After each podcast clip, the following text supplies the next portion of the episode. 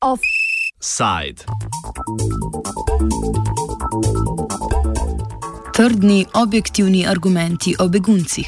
ساق الخري إلى من جرت وخ الخري إلى من ترك Na fakulteti za družbene vede je v organizaciji tamkajšnje študentske organizacije in Društva za združene narode za Slovenijo potekala okrogla miza z naslovom Begunska kriza - ogledalo evropskim vrednotam. Po besedah organizatorjev namen dogodka, navajamo, ni vplivanje na mišljenje obiskovalcev okrogle mize, temveč predstavitev trdnih, objektivnih argumentov, na katerih bo posameznikom omogočena stvaritev lastne percepcije. Še pred panelisti je govorniški odr zasedel poznavalec Bližnjega vzhoda Primoš Trbenc, ki je v svoji maniri podrobno predstavil kontekst in begunsko krizo postavil v konkreten zgodovinski moment. Prisluhnimo le v vodu in koncu njegovega govora.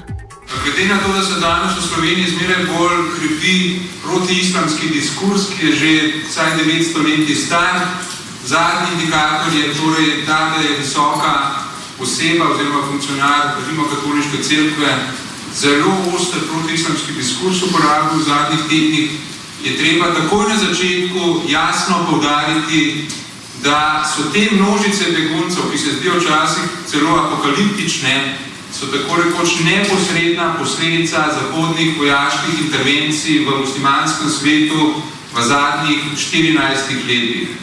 To je treba vedno znova povdarjati, Ko gre za Slovenijo, morda tudi to, da je Slovenija svoj droben kamenček pridala torej, k tej vojaški, temu vojaškemu intervencionizmu, ki je to katastrofo sprožil.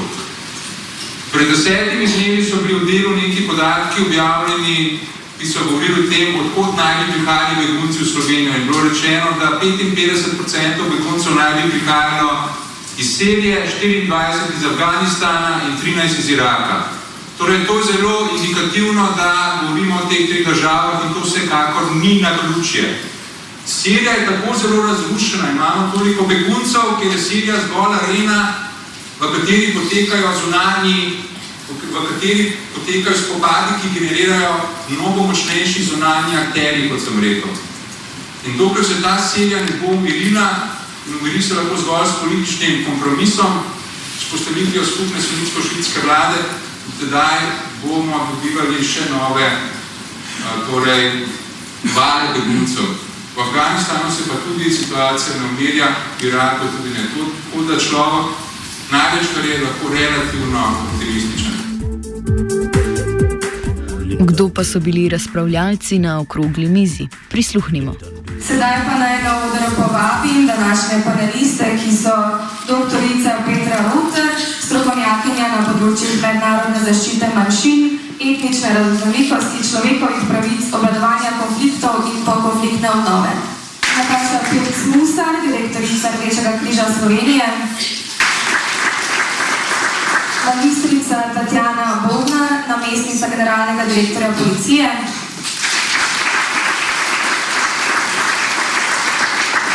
In dr. Istok Brezel, strokovnjak na področju nacionalne varnosti, križnega upravljanja, terorizma in protiterorističnega delovanja, ocenovanju groženj in tveganj, medresurskega sodelovanja ter Zahodnega Balkana.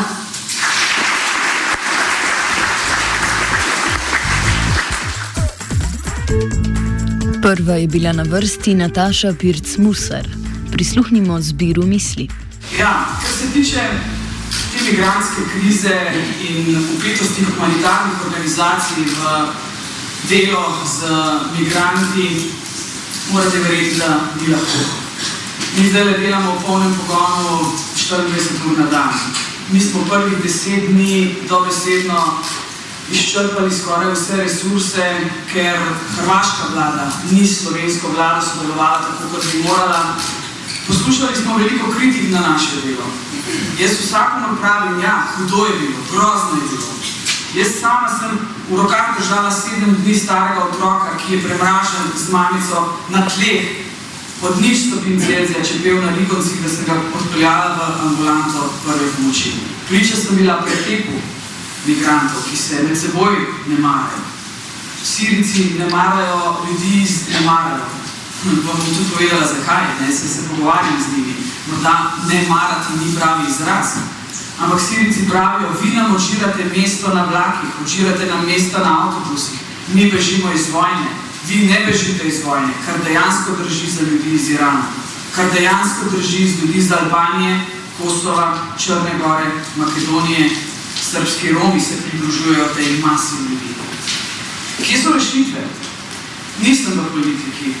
Morda me bodo poslušali, morda tudi ne. Ampak sama jih vidim na sledeč način. Razumem seveda tudi slovensko vlado, da se ne zna na hitro odločiti, zato ker se Brusel ne zna odločiti. Vseeno pa menim, da Evropa mora narediti eno stvar. In to je začeti pošiljati nazaj tiste, ki ne prihajajo iz vojnih območij. Trenutno je v Avstriji 75 tisoč Albancev, 25 tisoč ljudi iz Kosova, ki čakajo odprtje nadaljne poti v njihove obljubljene dežele, ki so v glavnem Nemčija, Švedska. Med njimi je ogromno ljudi, ki so začeli prihajati iz afriških držav. Pridružujejo se temu masovnemu valu migrantov. Moje mnenje je, da bi morala gospa Angela Merkel začeti pošiljati ljudi, ki ne prihajajo iz vojnih območij nazaj, drugače bomo vsi pregoreli. To naj bo jasen signal vsem tistim, ki bi se želeli odpraviti na to mukotrpno pot, da bodo šli za manj. Sledila je policistka Tatjana Bobnar. Prisluhnimo. Dejstvo je seveda, da je temeljna dožnost policije uh, tudi sicer zagotavljanje varnosti, tudi v teh, bom rekla, izrazito uh, kriznih, tako rečem, uh, kriznih razmerah in situacij, se seveda policija trudi po svojih najboljših močeh zagotavljati jasno varnost vsem prebivalstvom Republike Slovenije, njihovemu premoženju, istočasno pa seveda tudi zagotavljati varnost beguncem oziroma migrantom in zagotavljati na splošno človekove pravice. Um, zelo veliko in temu je v prvi vrsti pravzaprav namenjen tudi ta popis migrantov, čeprav je ta popis seveda lahko svoj vrsten problem, ker uh, velika večina teh ljudi, ali pa dobašen del teh ljudi, pri sebi ali nimajo ustreznih uh, dokumentov, ali uh, navajajo samo letnice svojega rojstva, mi seveda skušamo, bom rekla, nekako varnostno, kljub temu preveriti po šengenskem informacijskem sistemu in uh, namen tega popisa in tega preverjanja je tudi uh, se že večkrat pokazal uh, v primeru, ko smo iskali družine.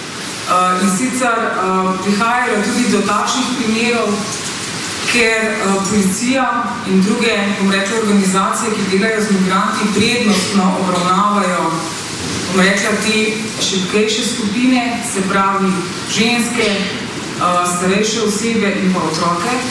In je že prihajalo do tega, da so uh, je prihajalo do utujitve otrok, ker je pač prisotnost otroka na nek način pomenila prednostno ukrcanje ali na avtobus ali na vlak.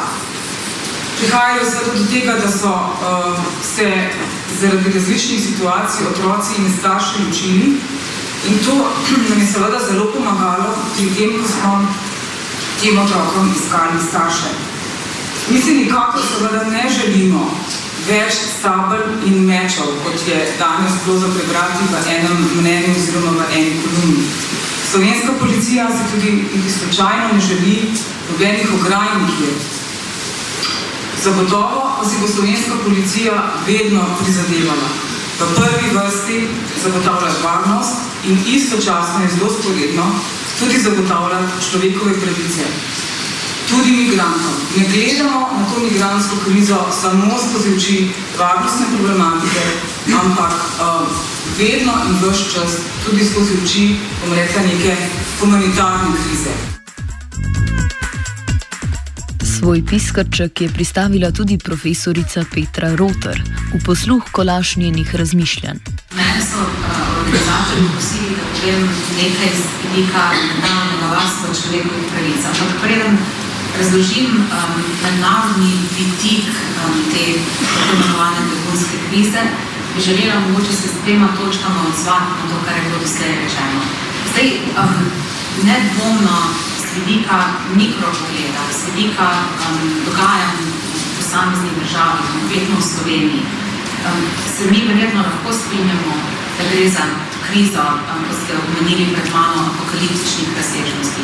Z vidika Evropske unije, dva milijona prebežnikov, migrantov, beguncev, kakorkoli jih poimenujemo, in to bom razložila v drugem uh, delu besede, zakaj so pomembne te razlike, pomeni niti enega odstotka prebivalstva. In mene osebno, um, ne bom rekla samo preseneča, ampak dobesedno um, žalosti ta nepripravljenost evropskih držav, nepripravljenost mednarodne skupnosti na nekaj, kar v resnici niti ne bi smela biti poimenovana kriza in ni, niti ne bi smela biti uh, razumljen kot problem.